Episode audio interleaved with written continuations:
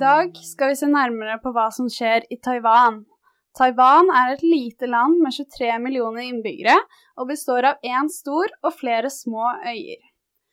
Offisielt blir Taiwan omtalt som republikken Kina, og blir sett på som en av de store teknologiske og økonomiske suksessene i Asia.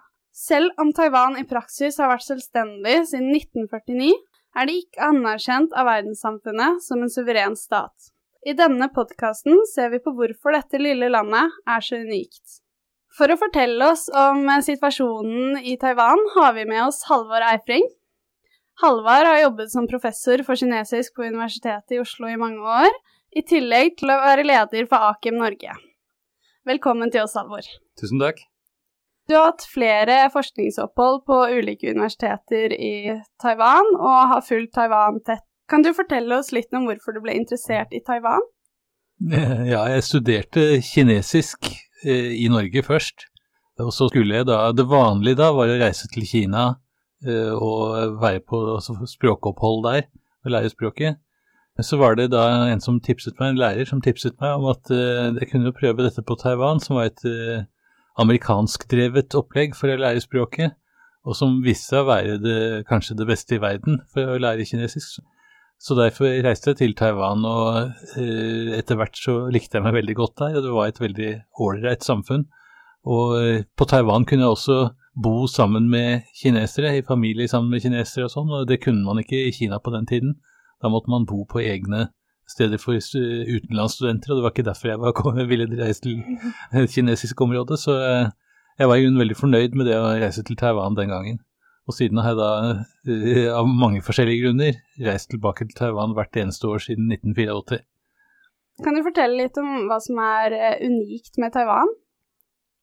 Altså, Taiwan er et uh, på mange måter veldig moderne samfunn. Det er en velutviklet økonomi, det er teknologisk veldig fremstående, og det er et demokratisk samfunn som det ikke er altfor mange av i Asia. det er et velfungerende demokrati, og det er samtidig et land som veldig få land i verden anerkjenner diplomatisk. Sånn, at, sånn sett kan du si det er et, et land som er veldig urettferdig behandlet. I sammenheng med dette så er det veldig spennende å høre om eh, Taiwan sin politiske utvikling, da. Det du sier at det er et demokratisk land, hvordan har det blitt et demokratisk land? Uh, mange vet at uh, Chiang Kai-shek var han som opprinnelig var president i Kina, som da etter borgerkrig i Kina måtte flykte til Taiwan i 1949, uh, da kommunistene tok over i fastlandskina. Han, han, styrte Taiwan med rimelig hard hånd, diktatorisk hånd, og hans sønn, som tok over da han selv døde i 1975, han var en litt mykere diktator etter hvert. Og det var først helt på slutten av hans liv at han da begynte å åpne samfunnet på den måten at etter at det hadde vært flere opptøyer og sånn, så lot han da Eh, demonstrasjonstog gå uten å bryte inn.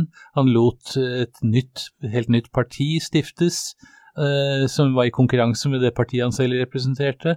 Og Det var helt nye ting, og året før han døde, så rakk han å oppheve det som hadde vært eh, unntakstilstanden på øya helt siden Chiang Kai-shek, altså faren hans, kom dit i 49. Sånn at, eh, og fra da av så var det da visepresidenten som var født og oppvokst på Taiwan, Eh, som ikke altså var kommet over fra fastlandskina, Li Donghui, som da tok over. Og han gradvis da sørget for at Taiwan ble mer og mer liberalisert. Og i løpet av da ti år, ti år nokså nøyaktig ti år, så ble det et fullt demokrati med da presidentvalg i 1996, hvor da Lidenhoy ble valgt til president, men satt da i fire år, og så overlot han makten ikke bare til en annen person, men til et annet parti. Sånn at uh, det var en utvikling som egentlig gikk veldig raskt når det først kom i gang. Du sa at Taiwan ikke er anerkjent som et uh, uavhengig land. Mm. Uh, hva er grunnen til det? Grunnen til det er at uh, Kina og Taiwan fremdeles strides. I utgangspunktet så gjaldt striden hvem er det som representerer det virkelige Kina, fordi at de opprinnelige myndighetene på Taiwan jo da var kommet dit fra Kina etter å ha tapt borgerkrigen. Eh, men nå er det jo, eh, særlig med nåværende makthavere på Taiwan, så er det mye mer en strid om Taiwan kan være et uavhengig land, eller som det i realiteten er, eller om det bør være en del av Kina. Altså at kommunist-Kina ønsker å ta tilbake Taiwan eh, og la det være en provins i deres eget land.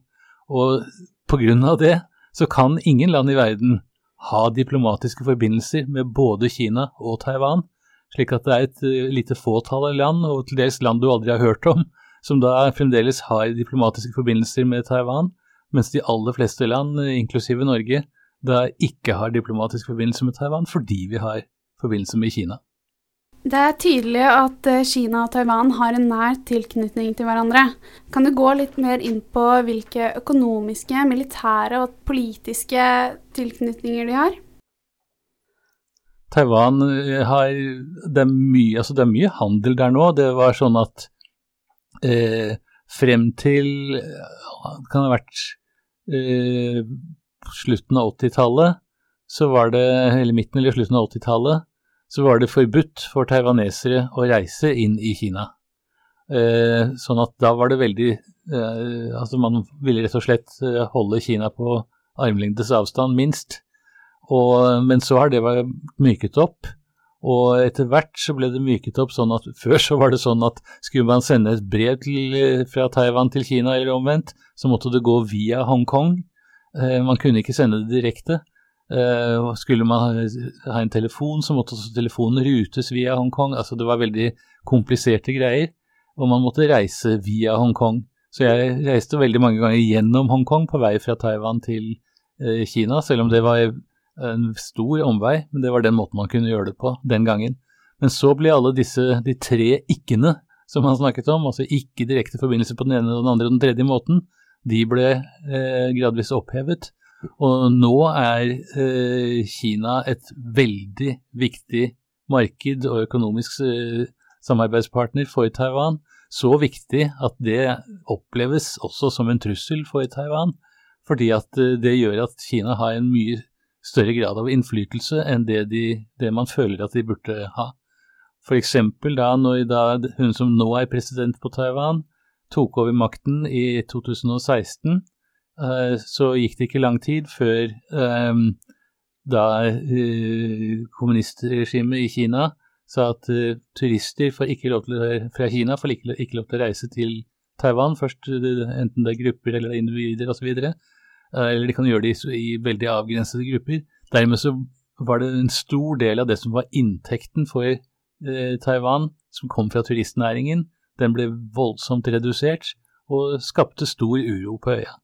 Sånn at uh, det er uh, i hvert fall sånn at uh, det er stor risiko forbundet også med den sterke økonomiske involveringen som er mellom Taiwan og Kina, og som gjør at myndighetene på Taiwan prøver etter beste evne å, flytte mye av det, altså en del av den mer avanserte produksjonen hjem til Taiwan, og noe av den mer sånn eh, ikke så avanserte produksjonen flyttet den til Sørøst-Asia. Eh, sånn at eh, Men så langt har ikke det hatt voldsomt, voldsom effekt. Det man har klart å få til, er å tiltrekke seg nye turister fra Japan og Sør-Korea og til dels Sørøst-Asia. Det har man klart å få til. Men det er mye igjen å gå på her. Man er fremdeles veldig avhengig av den økonomien som går i, i forhold til Kina. Og dette er vel en av grunnene til at det er vanskelig for Taiwan å gjøre seg uavhengig fra Kina? Altså Taiwan, bortsett fra dette, er i realiteten politisk sett uavhengig av Kina. Er, men Kina eh, på den ene siden da eh, truer en del ganger. Truer og av og til eh, gjennomfører trusler om å kneble landet økonomisk.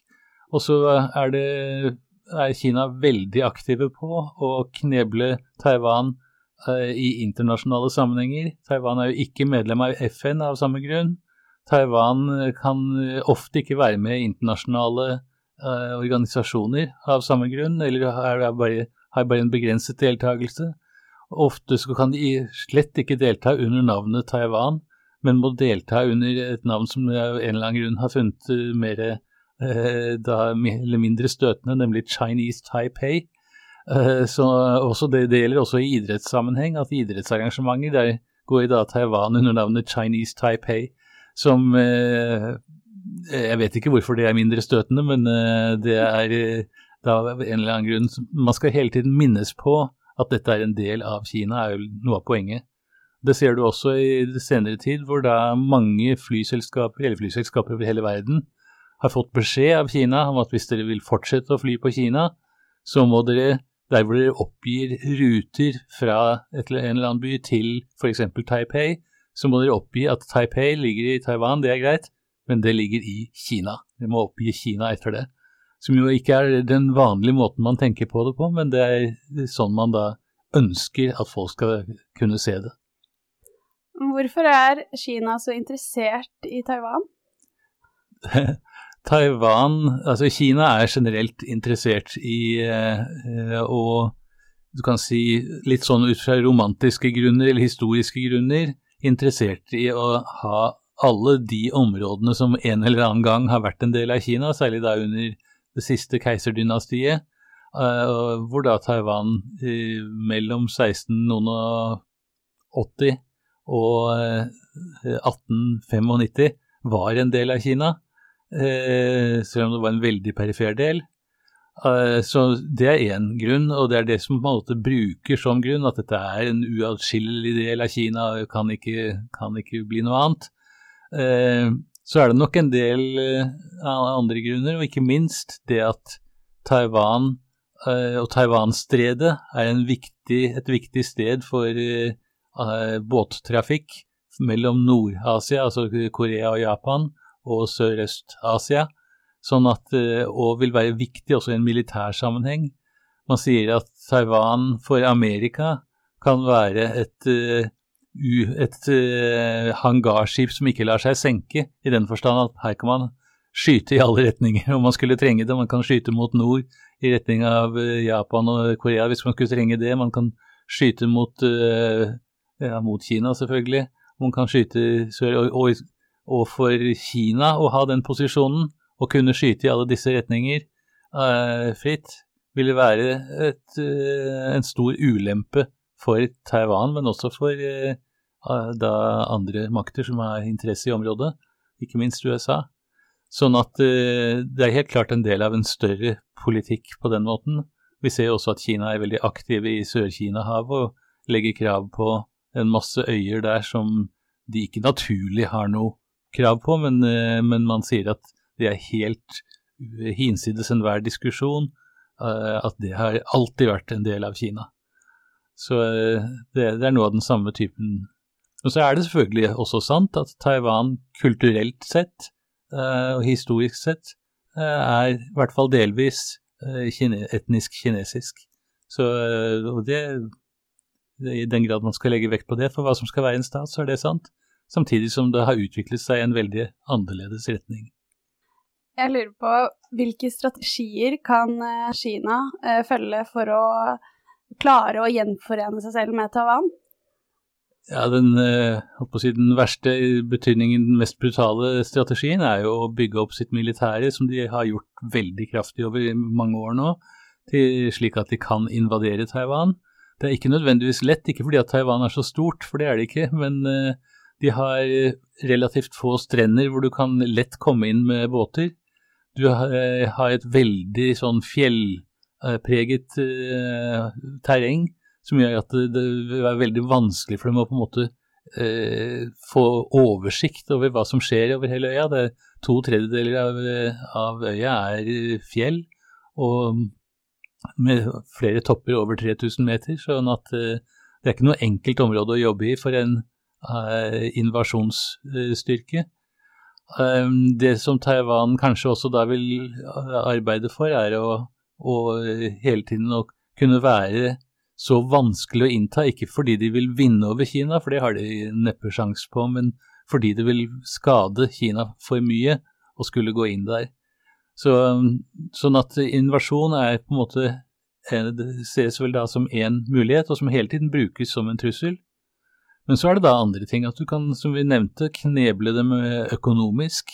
Eh, eller du kan på diplomatiske vis gjøre det helt umulig for Taiwan å eksistere på sin måte. Eh, og du kan ut fra propaganda også infiltrere ved hjelp av propaganda på selve Taiwan, slik at du klarer å bikke opinionen der i din egen retning. Det har de ikke hatt veldig mye hell med så langt. Tvert imot så er jo da Taiwan, for så vidt i likhet med det som var tilfellet i Hongkong inntil nylig, blitt drevet på en måte mer og mer bort fra Kina. Uh, så det har ikke, de har ikke helt lykkes med det, men de er ganske infiltrert i en del medier, radio, TV, aviser, sånn at man vet aldri helt hvem det er som snakker når man eh, får en del nyheter på Taiwan den dag i dag. Har eh, Taiwan noen mulighet til å eh, kjempe for å beholde sin uavhengighet, hvis Kina skulle valgt å bruke noen av disse strategiene mot dem? De, altså, diplomatisk sett så skal det veldig mye til, men de, det kommer my, ganske mye kommer an på, jeg skal ikke si at det er det eneste, men ganske mye kommer an på om USA opprettholder sin aktive støtte til Taiwan. Uh, USA har valgt en såkalt strategisk flertydig uh, linje, som betyr at de skal støtte Taiwan både med våpen og på andre måter, uh, der hvor da om det skulle skje noe. Men de har ikke sagt eksplisitt at de vil støtte Taiwan uansett hva som skjer. Og det er nok også fordi at de ønsker ikke at Taiwan skal provosere Kina slik at Kina begynner å ta affære. De ønsker på en måte både å skremme Kina fra å invadere, men samtidig også eh, skremme Taiwan fra å gå for langt i å f.eks. erklære uavhengighet offentlig, for det har de ikke gjort. Eh, I det siste har det vært veldig mye snakk om eh, situasjonen i Hongkong og demonstrasjonsbevegelsen der borte. Hongkong er jo også veldig nært knytta til Kina. Kan du sammenligne hvordan Hongkong er knytta til Kina i forhold til hvordan Taiwan er knytta til Kina? Hongkong er eh, i realiteten en del av Kina, eh, og på en måte er anerkjent som det av alle parter.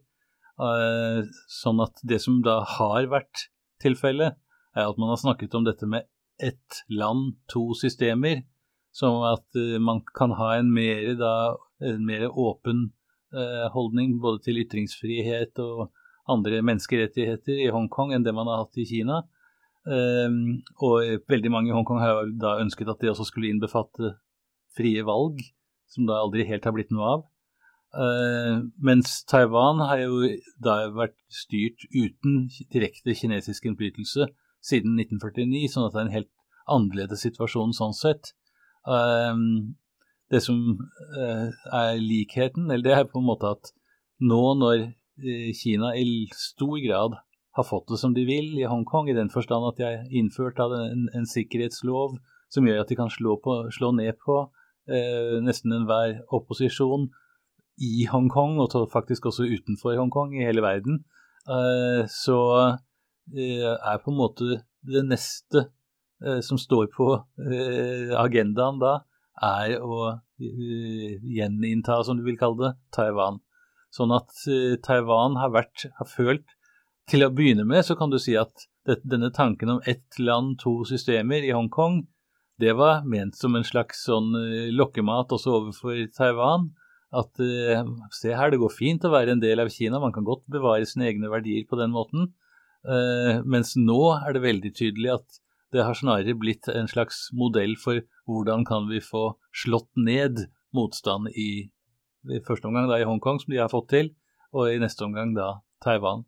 Sånn at er det, det er helt klart en sammenheng der, og veldig klart også en stor sympati for Hongkong i Taiwan.